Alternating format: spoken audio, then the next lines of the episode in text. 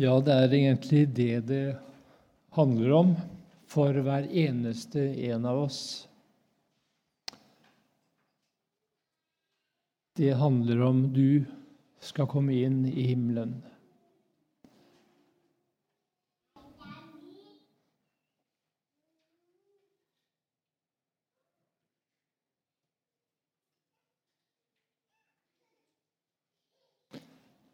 Eller om du skal bli stående utenfor i en evighet. Det er det det handler om her i livet. Det handler ikke om ekteskap, om arbeid og alt som hører denne verden til.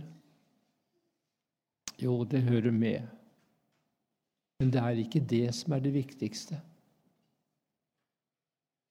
Det store spørsmålet er om du skal bli funnet ikledd Jesu Kristi rettferdighet. Om du har funnet ditt liv og din frelse i Jesus. Eller om det er verden som har vunnet hjertet ditt. Er det?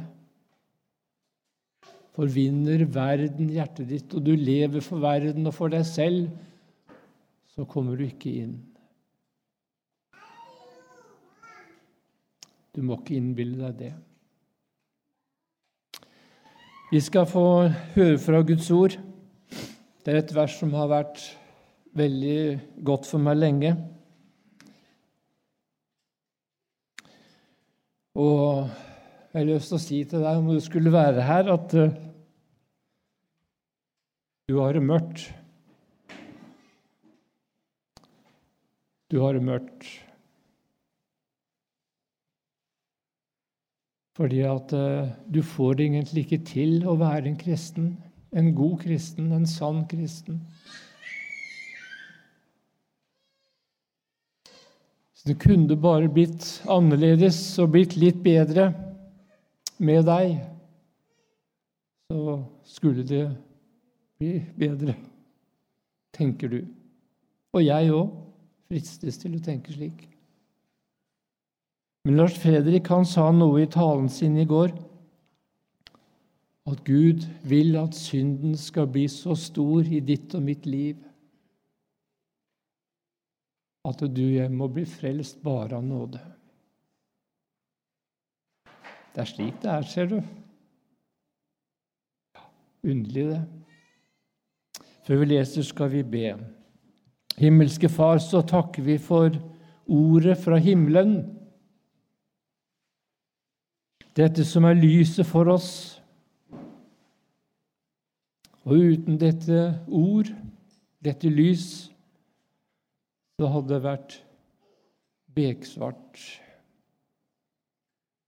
Og nå ber vi, Herre, om at du må bryte dette ditt ord for oss, slik bare du kan, Herre, for liten og for stor.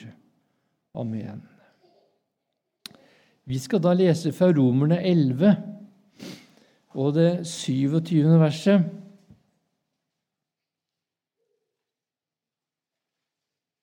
Romerne 11, 27. I Jesu navn.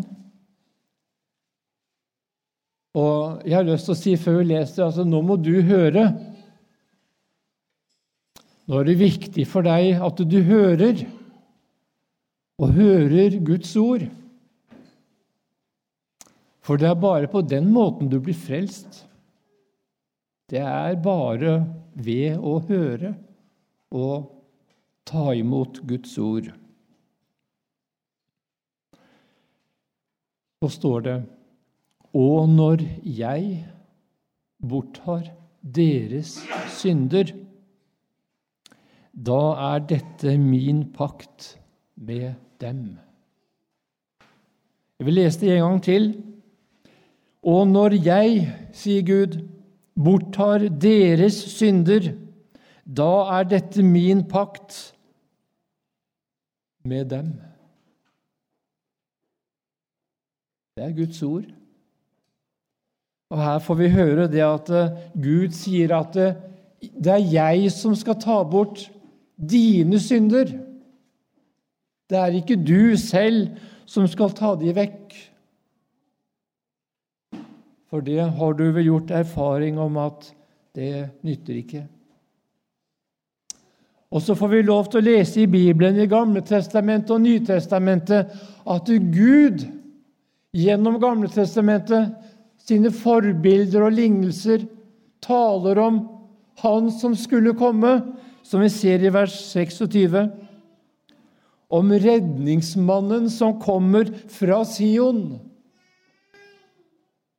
Så står det der også han skal bortrydde ugudelighet fra Jakob. Tenk at Gud sier dette.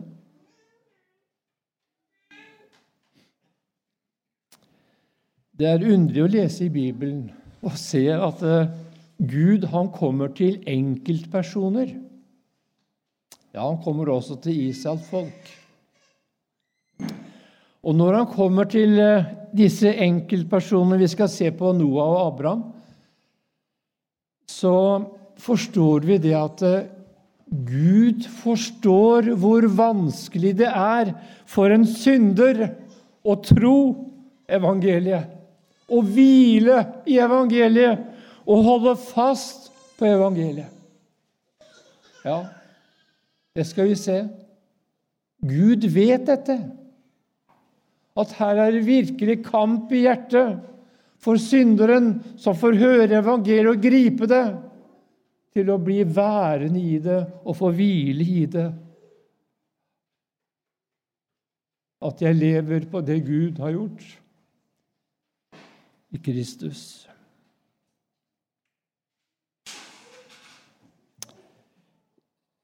Vi bare tar med dette at eh, så la du merke til dette at det står det at min pakt Det står ikke vår pakt.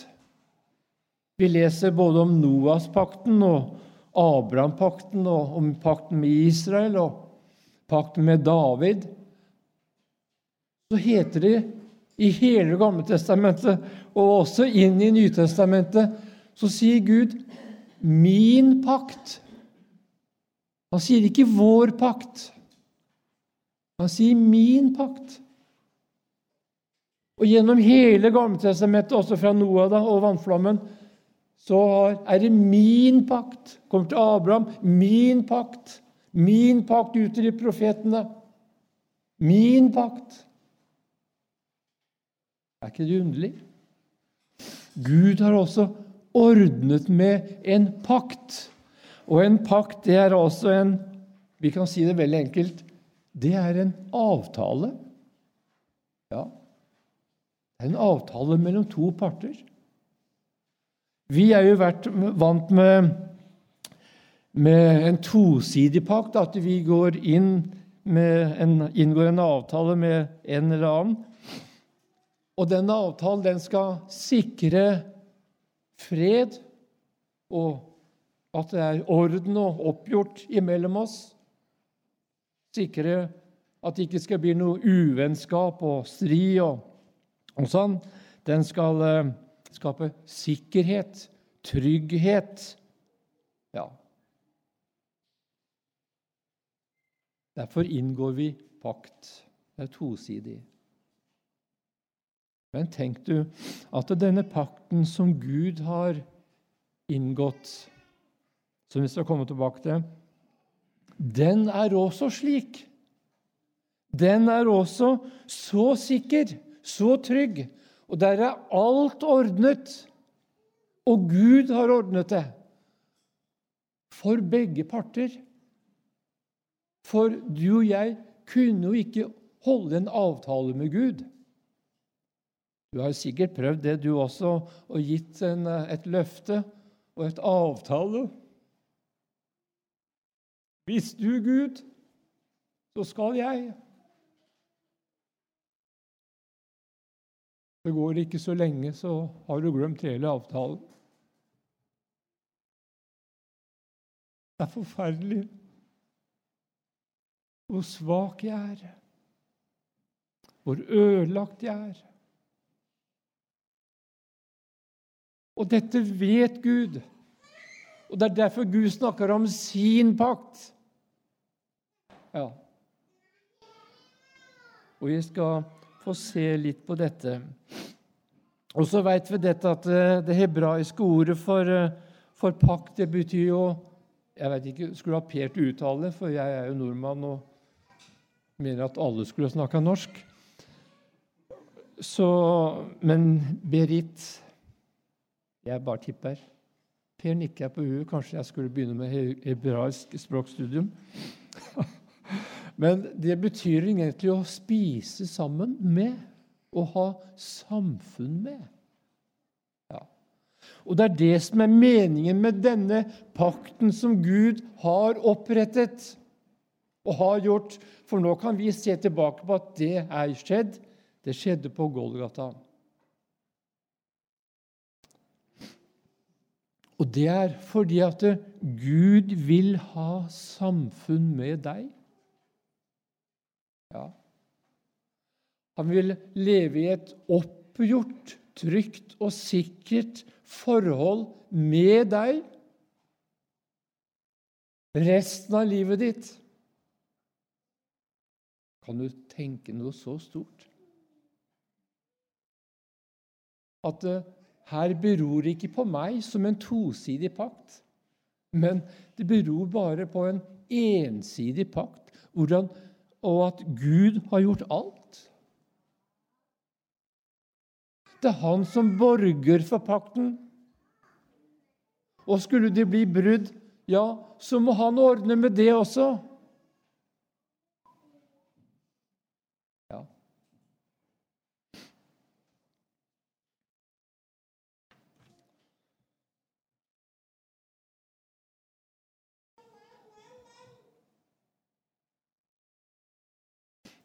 Ja.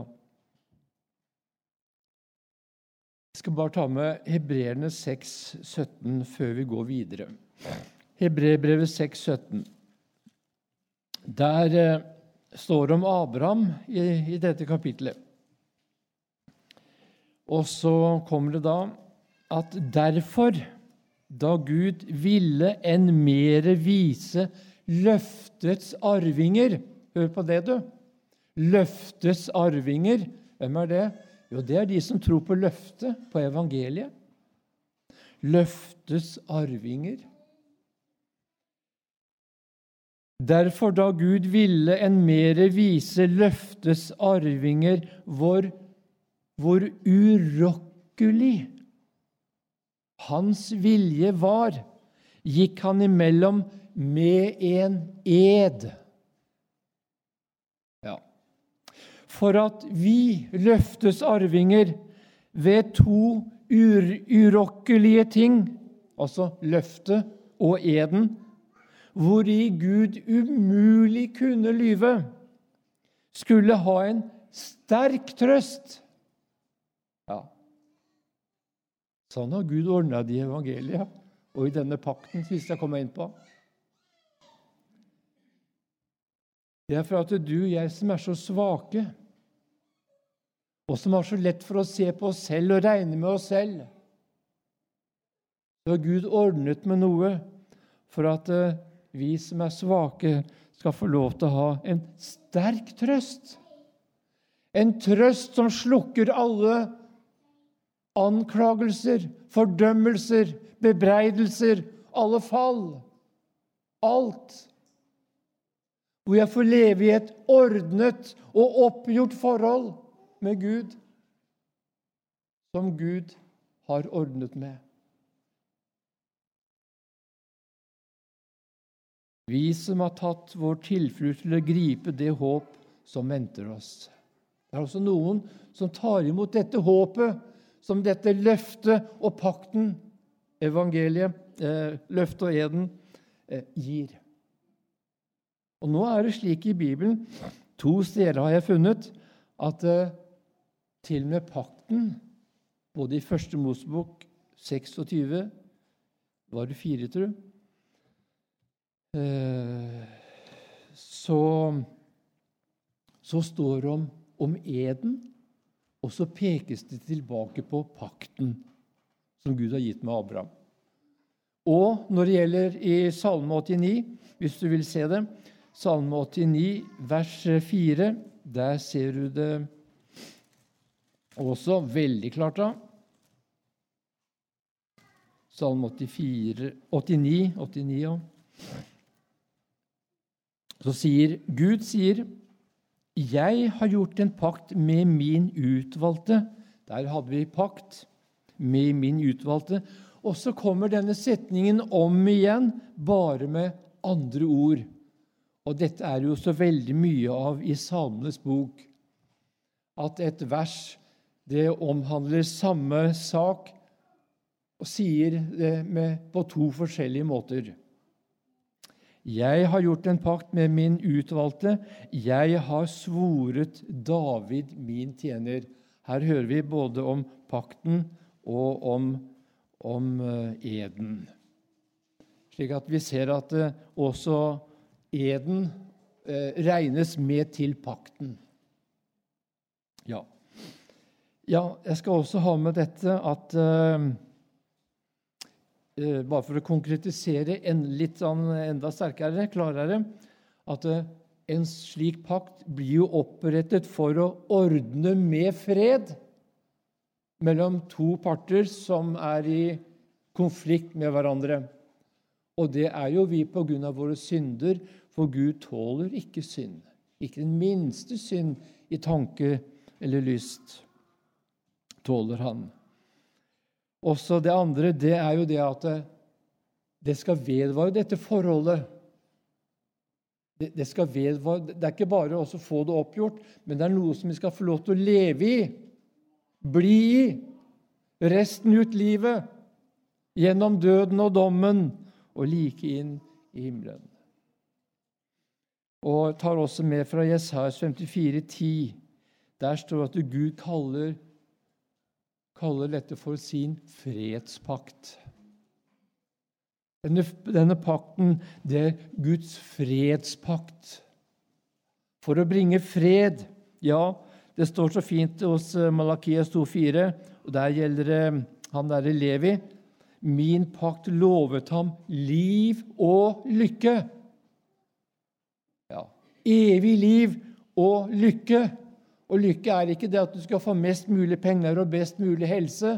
Nei, men at du skal få fred med Gud og være velsignet av Gud og bli til velsignelse.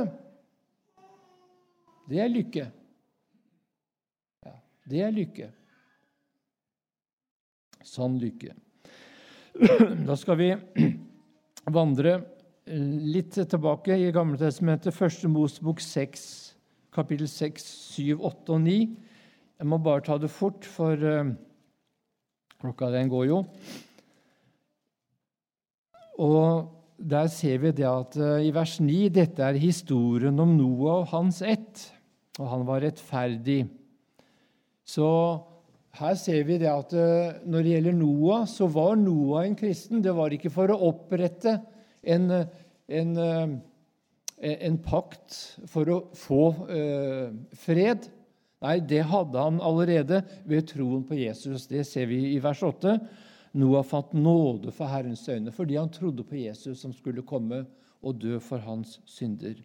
Men Gud ville gi Noah en pakt fordi at Noah skulle få lov til å leve i en sikkerhet, i en trygghet. Og kan du tenke deg Noah? Som hadde nå vært vitne til et forferdelig eh, Et for, eh, domme Altså, jeg vil si med andre ord fått oppleve, Skal oppleve vannflammen og fått oppleve vannflommen hvor Noah har sett hvor forferdelig Gud er i sin hellighet. Hvordan Guds en gang at Guds rettferdighet kommer til å ramme den ugudelige. Og uten barmhjertighet. Vannflommen for Noah det ga, Jeg regner med det at slik som det står om David Når han eh, skulle føre pakten stark opp til eh, Jerusalem, så tok Usia, for oksene blei eh, villstyrlige. Og så tok Usia, så tok Gud og slo han tvert ned. Og så turte ikke David å føre paktens ark opp til Jerusalem. Nei, det står at det, fra den dagen kom det frykt over David. Åssen skal Herren komme opp til meg i Jerusalem? Jeg som er en synder. Ja. Nei, det går ikke, skjønte David. Og sånn tenker jeg også med Noah, som fikk oppleve denne forferdelige vannflommen. Oppleve hvor stor Gud er, med himmelens sluser og jordens vulkaner som spruta opp til total ødeleggelse. Alt liv. Unntatt arken. Jo, Noah fryktet det står ikke, men vi skjønner det. Så går vi til kapittel 9.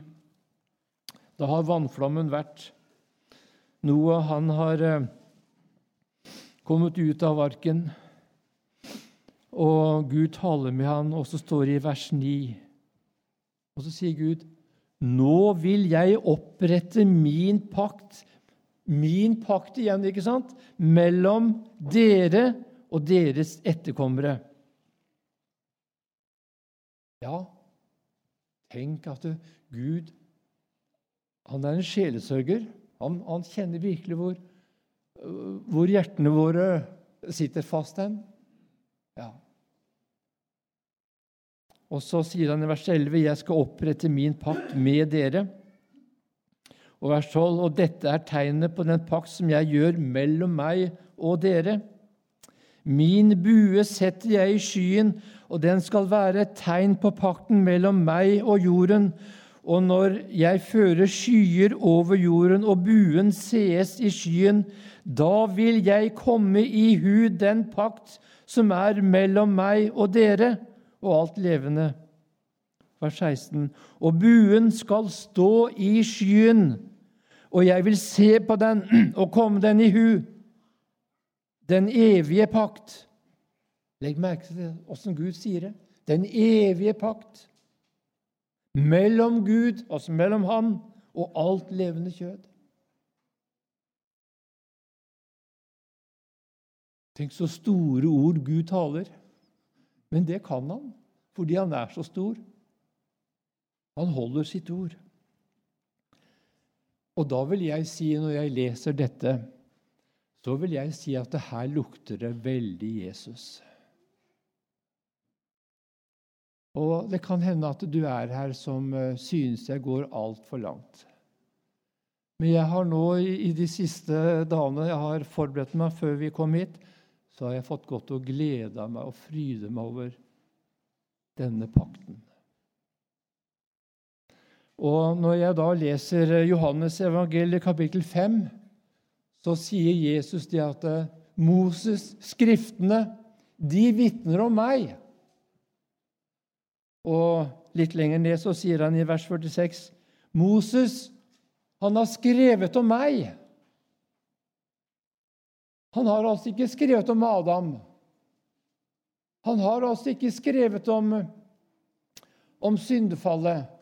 Han har altså ikke skrevet om, om Melkisedek, om Abraham, Isak og Jakob og Jo, selvfølgelig har han det. Men hva er, det, hva er det Jesus vil si? Jo, Jesus vil si det handler om meg. Kobberormen handler om meg.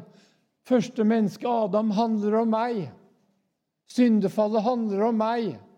Mannaen handler om meg. Ypperstepresten, tabernaklet, teltet Det handler om meg. I seg selv er dette ingenting men det kaster lys og peker på Han som skal komme. Ja. Hvem er buen? Hvem er denne fantastiske buen som skinner med fullkommenhetens farver? Det er ingen andre enn Jesus. Når lyset, som også er Jesus, brytes i vanndråpen, nå skinner han så veldig.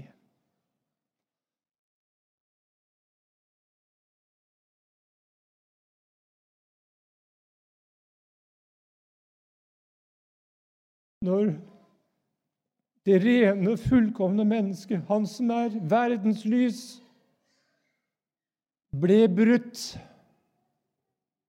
på korset så skinner fullkommenhetens farver. Ser du det ikke? Ser du det ikke? Og så sier Gud, 'Dette skal være oppe i skyen. Dette skal være oppe i himmelen.' Og når jeg ser det, sier Gud, så skal jeg komme min pakt i hu. Er så mye mer enn en pakt for å unngå en vannflom. Det kaster lys om Jesus. Og så veit vi fra hebreerbrevet at Jesus for opp til himmelen og satte seg ved Faderens høyre hånd, det fullkomne mennesket, med naglemerkene, med stikkarret, med merker til tornekronen. Så sitter han der og skinner, det fullkomne mennesket. Skinner for Gud, og Gud ser han. Og så bærer han over med alle som tror på ham. Ja, for det var for etterkommer nå, ikke sant? Så skulle Noah leve her. Og det er slik at når vi er ute og kjører bil av og til, så ser vi Å, se der! Der er regnbuen. Og sånn er det for Noah. Og slik er det for enhver troende at stundom så får jeg se inn i dette lyset. Og så får jeg se denne veldige herlighet. Tenk at den rene, den fullkomne At Gud i Kristus har ordnet med en fullkommen frelse for meg. Ja. Slik at jeg også er fullkommen Gud. For Jesus er meg hos Gud.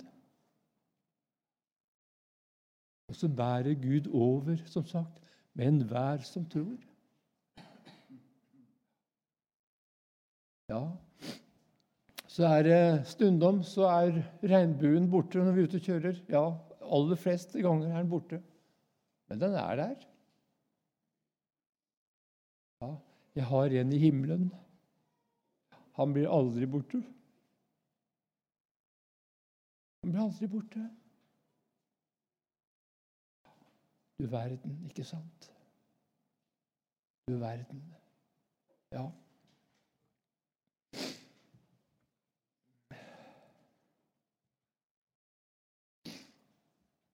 Når Noah så denne pakt, regnbuen, så ble han minnet om at denne forferdelige dommen skal ikke ramme mer.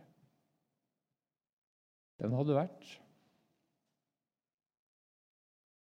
Og sånn er det også at eh, denne dommen, for enhver som tror, så skal dommen ikke ramme deg. Guds vredesdom skal ikke ramme den som etterkommerne til Noah, som tar imot og lever i denne pakten.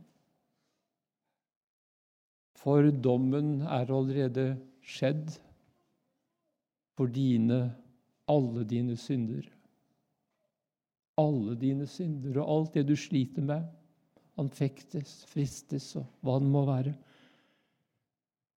På Golgata, på korset. Der ordnet Gud opp for deg. Ja. Vi får gå videre. Vi går til kapittel 15.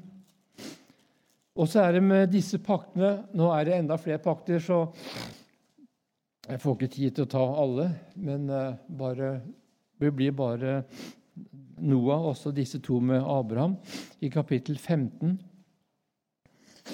Her får vi se det at Abraham er i troskamp.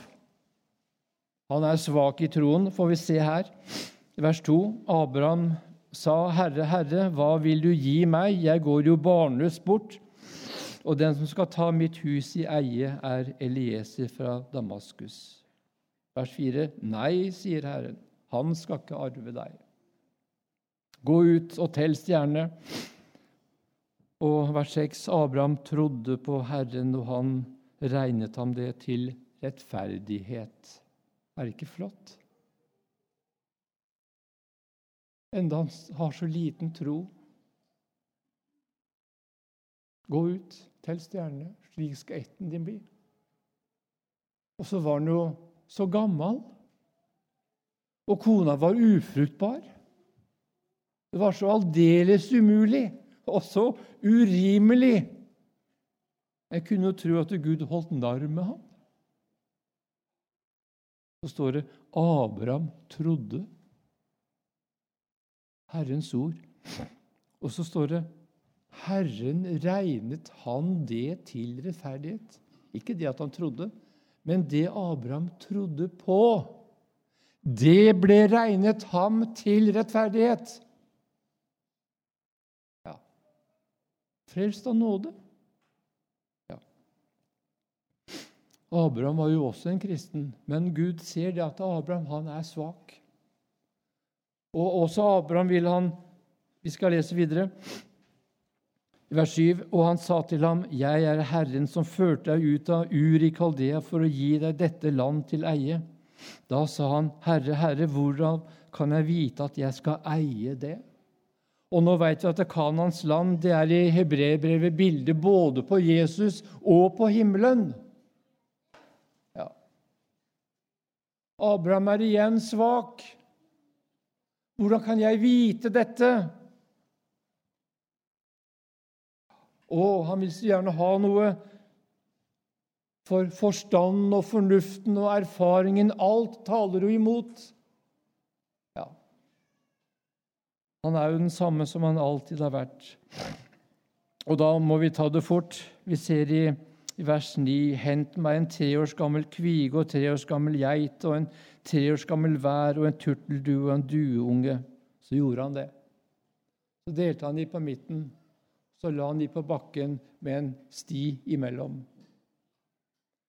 Og Vi ser i vers 18.: Den dag gjorde Herren en pakt med Abraham og sa:" Din ett gir jeg dette landet. Og det var slik at når de skulle på denne tida, at når de inngikk pakt, så gjorde de dette med dyra. Og så gikk begge to som skulle gå, inngå pakt.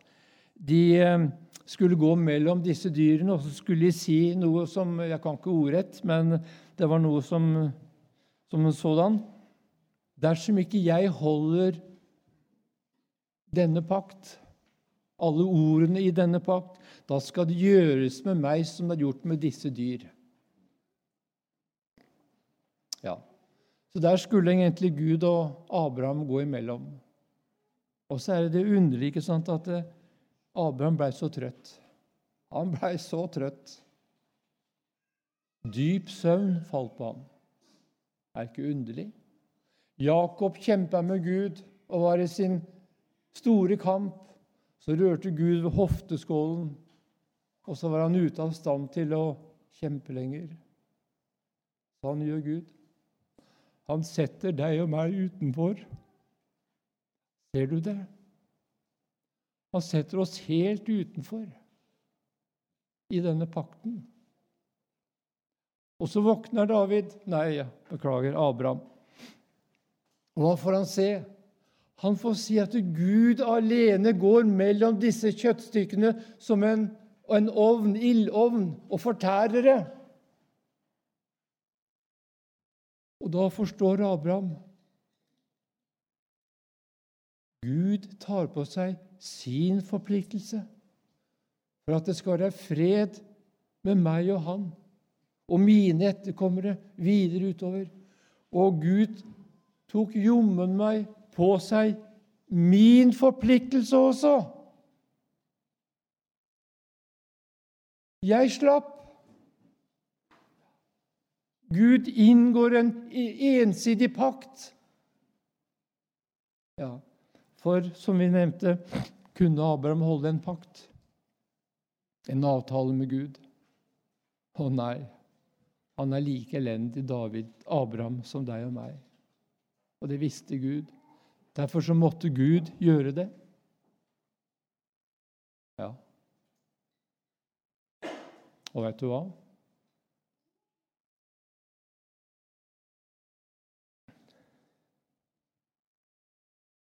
Gud visste at Abraham ikke kunne holde pakten. Gud tok på seg derfor Abrahams forpliktelse. Derfor måtte Gud bli Abraham. Og Guds sønn, Gud, ble mennesket Jesus Kristus. Og så er det mennesket Jesus Kristus som ordner opp for David, for Abraham.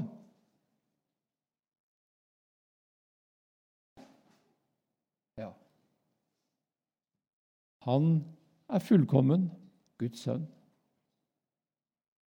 Men siden at da Abraham ikke kunne oppfylle sine forpliktelser, så ble det skyld. Og denne skylden, den tar Gud på seg i mennesket Jesus Kristus.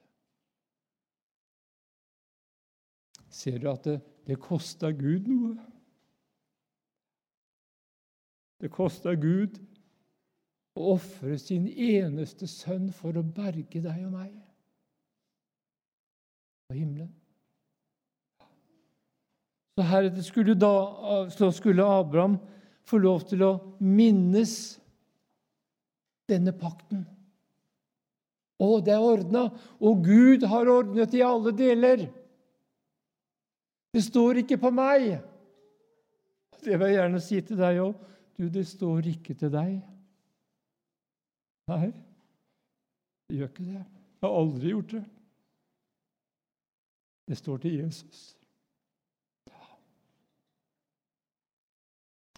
Han er regnbuen som skinner med herlighet uten like.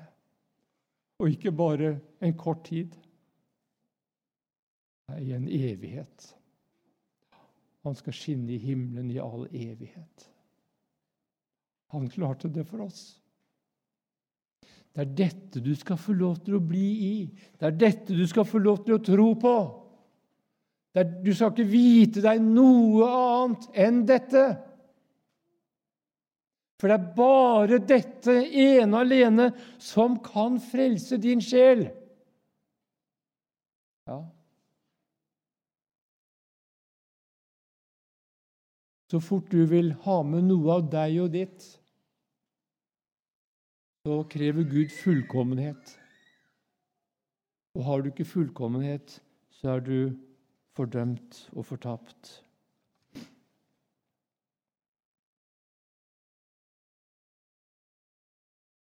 Vi skal gå til den tredje pakten.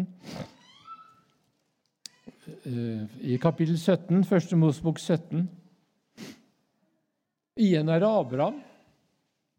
Men det er jo ikke bare Abraham, det er også hans etterkommer. ikke sant? Vi ser i vers 2, 17,2.: Jeg vil gjøre en pakt mellom meg og deg. Vi ser vers 4. Se! Og ordet 'se' er jo i Bibelen alltid noe uventet og overraskende. Det er liksom imot uh, mot all fornuft. Ja, se, jeg gjør en pakt med deg. Vi hoppa litt uh, lenger ned. Vers 7. Jeg vil opprette en pakt mellom meg og deg og din ett etter deg. Fra slekt til slekt en evig pakt, står det. Så jeg vil være din Gud, så jeg vil være din Gud, og Gud for din ett etter deg. Og så får han omskjærelsen.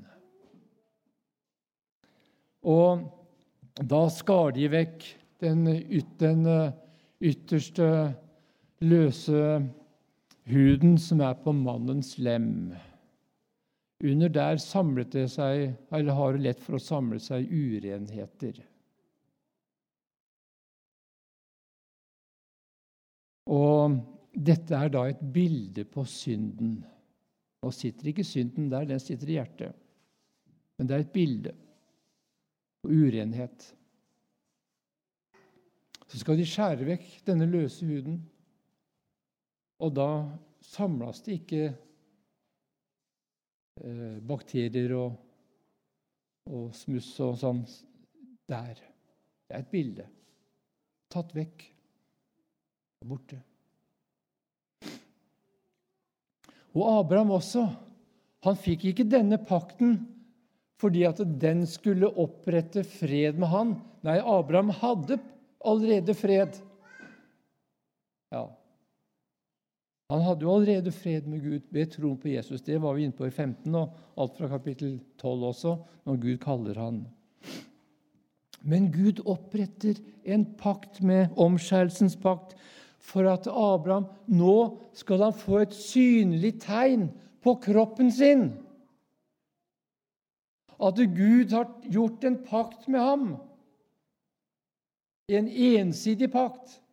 For Gud så det at Abrahams tro den gikk så opp og ned. Ja, Akkurat slik som i våre liv også. Og så står det i Romerne 4 at han fikk pakten som eh, var ikke 22, da, tror du? Romerne 4 Skal vi se Nei, vers 11. Romerne 4, 11. Og han fikk omskjærelsens tegn som seil, som stempel, godkjenningsstempel, på rettferdigheten ved den tro som han hadde da han var uomskåret. Ja. Så Gud vil også vise Abraham gjennom omskjærelsens pakt at den tro du nå har, at du tror uten å ha gjerninger, den tro er rett. Det er den sanne tro. Uten noen gjerninger. Ja. Det er den sanne tro. Når Abraham kom i tvil, eller en guttebarn eller en annen som har blitt, også blitt omskåret, og kom i tvil, så kunne han få lov til å se på sitt lem. Og så så han ah, aha. Gud har jo inngått en ensidig pakt med meg. Det står ikke til meg men det står til Han.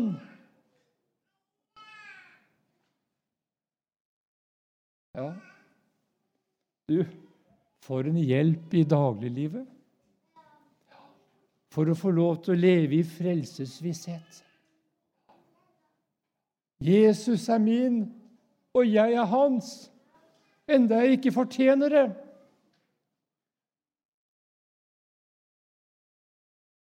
Det bygger ikke på meg. Det bygger ikke på mine seire. Det bygger ikke på min anger. Det bygger ikke på min bekjennelse, bibellesning eller hva du kan nevne. Bygger ikke på meg i det hele tatt. Ingenting. Den bygger på Jesus Kristus og Gud. Det er de som har ordna med pakten. Det er en nådepakt. Noah òg. Det var bare nåde. Bare nåde. Abraham bare nåde. Han hadde ingenting å rose seg av for Gud. Er det ikke underlig? Ja, så kan vi tenke Er det slik at eh, Ja, når pakten er ordnet, er det da slik at eh, jeg kan liksom leve som jeg selv vil? Det er mange som tenker slik. Mange som tenker slik 'Jeg er døpt'. Ja, Så lever de akkurat som de selv vil.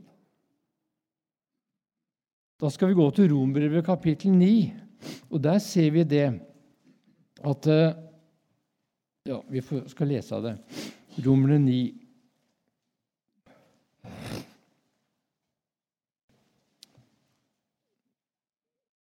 Vi får begynne vers, siste halvdel av, vers 6. For ikke alle som er av Israels ett, er derfor Israel. Heller ikke er alle fordi de er Abrahams ett, derfor hans barn. Selv om de er omskåret, ikke sant?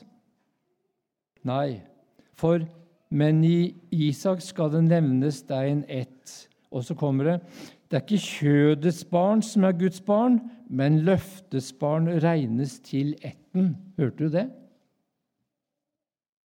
Det er den som er uten gjerninger, og som må bli frelst for Jesus skyld. Det er bare det mennesket, eller de, som regnes som Abrahams sanne barn. Vi ser det i Romerne 2. og Jeg hadde egentlig tenkt å ta det først, men nå ble det sånn. Romerne 2, vers 28-29. Eh, For ikke den er jøde som er det i det åpenbare, altså i kroppen sin, født jøde. Heller ikke er, den, er det omskjærelse som skjer i det åpenbare på kjøttet. Det er ikke han den som er jøde. Hvem er jøde? Jo, men den som er jøde i det skjulte, og det er i hjertet. Han er jøde. Og omskjærelsen, hva er det for noe? Jo, det er hjertets omskjærelse i ånden, ikke i bokstaven. En sådan har sin ros, ikke av mennesket, men av Gud. Omskjærelsen er jo bare et bilde. Så det går an å være omskåret og være jøde uten å være Abrahams barn, for de lever ikke i løftet. Ja. De lever ikke i løftet. De lever ikke i pakten. Ja. For den som lever i pakten, han knyttes til Herren. Han vil, som vi har vært inne på tidligere, og Eh, tidligere og hørt fra flere. Han ønsker å leve for Herren. Han blir redd for synden, redd for verden, redd for meg. Ja, han lever i lyset. Han bekjenner sine synder, og hvor han kan rope til Gud om sine synder. Ja, ja. Det er den som kjenner Gud, har kommet inn i pakten. Han er redd for å komme ut. For det går an. Så må vi gå til Kolosserne 2. Kolosserne 2. Det er Paulus som skriver til hedningekristne. I vers 11. Også disse hedningekristne de ble jo ikke omskåret. Nei.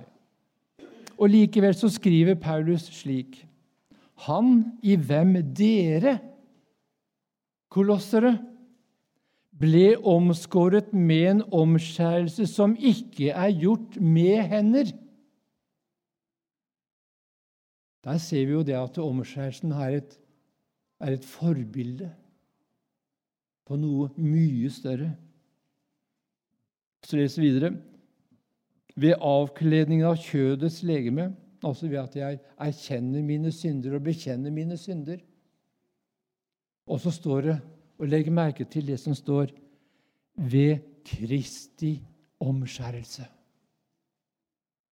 Og da er det ikke snakk om når Jesus var åtte dager gammel og ble omskåret. Men her er det snakk om Kristi omskjærelse på Golgata. Da Gud omskar Kristus på Golgata, da skar Gud bort all verdens synd.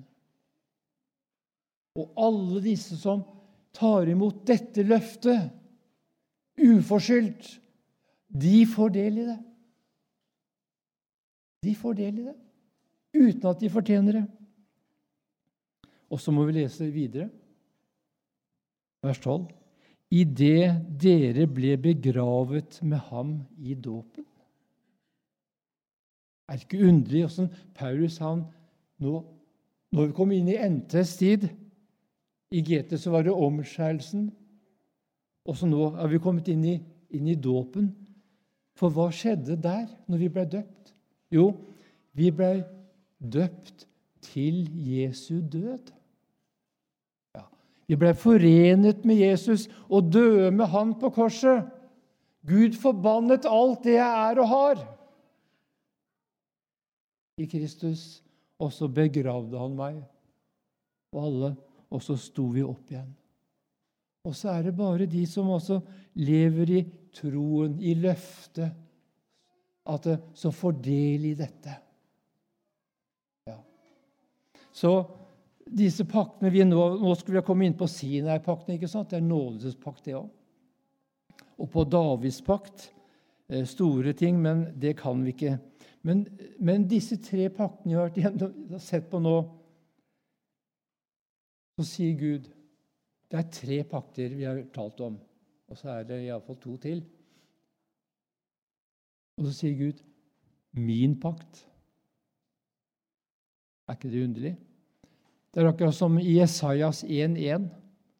Der står det i vår bibel Det blir på en litt annen måte, men der står det i vår bibel Dette er de syner profeten Jesajas så om Jerusalem.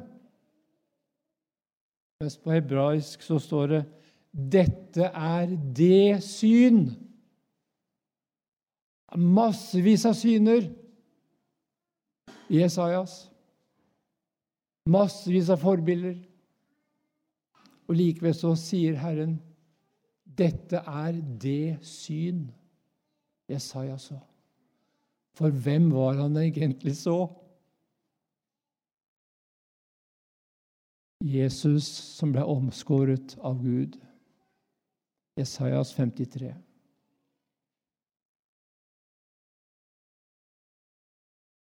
Flere pakter, men alle har dette. at De kaster lys over evangeliet. Kaster lys over Jesus. Dette er min pakt med dem når jeg borttar deres synder. Tenk så fint. Tenk at jeg kan få lov til å gå her og glede meg over at det, det, er Gud som har tatt vekk mine synder. Ja, det er ikke jeg. Og det Gud gjør, det gjør han ordentlig. Det vet vi. Når jeg borttar deres synder Og så står det hos profeten Sakarias jeg skal ta bort dette folks, dette landets misgjerning på én dag. Er ikke underlig? Så skjedde på Golgata. De så framover. Vi får lov til å se bakover. Du, på Golgata, der tok Gud bort dine synder. All verdens synd. Ja. På Golgata ryddet Jesus bort Jakobs ugudelighet. Hvem var Jakob? Listig luring, ikke sant? Falsk. Det er deg. En synder, det er deg. Fra Sion, fra Jerusalem, skal redningsmannen komme, og han er kommet. Og han har bortryddet ugudelighet ved å gi sitt liv til soning for dine og mine synder.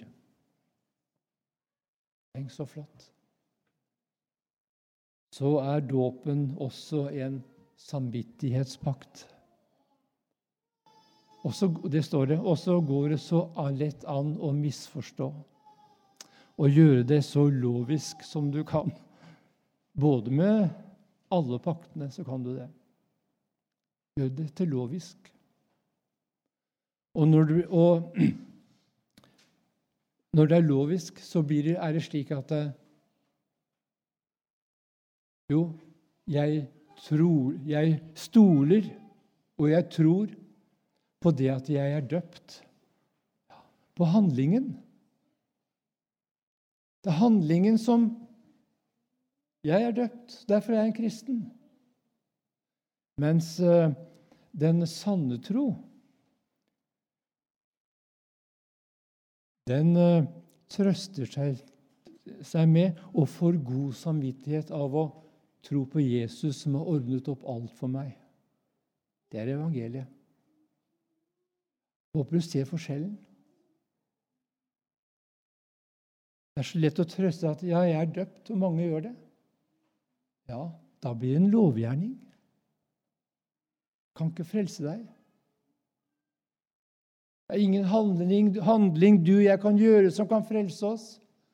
Men å få del i, i løftet og se at jeg er død med Kristus Slik ser Gud det. Og så regner jeg med meg hele tida. Og Gud ser at jeg er død og begravet, og der ligger Lars. I Jerusalem, gravlagt.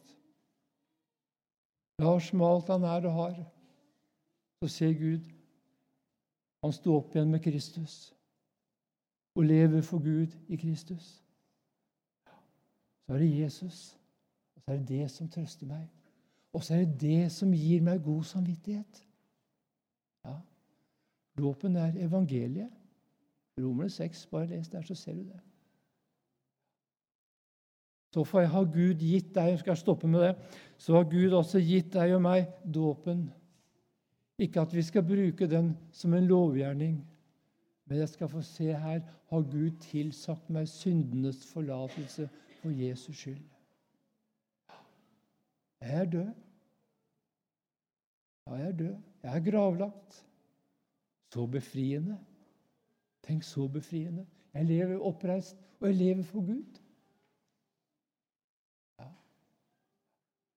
Gud har tilsagt meg det. Ja. At jeg skal få leve i visshet at jeg er frelst, at jeg hører Gud til. Salige visshet. Jesus er min. Da Jesus satte sjelen fri, brøt lyset frem. Når jeg får bli i Guds ord, så blir jeg rik i Gud. Og så er det med å holde meg oppe i hverdagslivet, og det gir seier i kristenlivet å være rik i Gud. Da er det lettere å si nei til synden og fornekte kjødet. Ja. Ser du åssen Gud forbarmer seg over Noah, over Abraham og etterkommerne? For at vi skal ha en urokkelig trøst. En sterk trøst fordi Gud umulig kan lyve.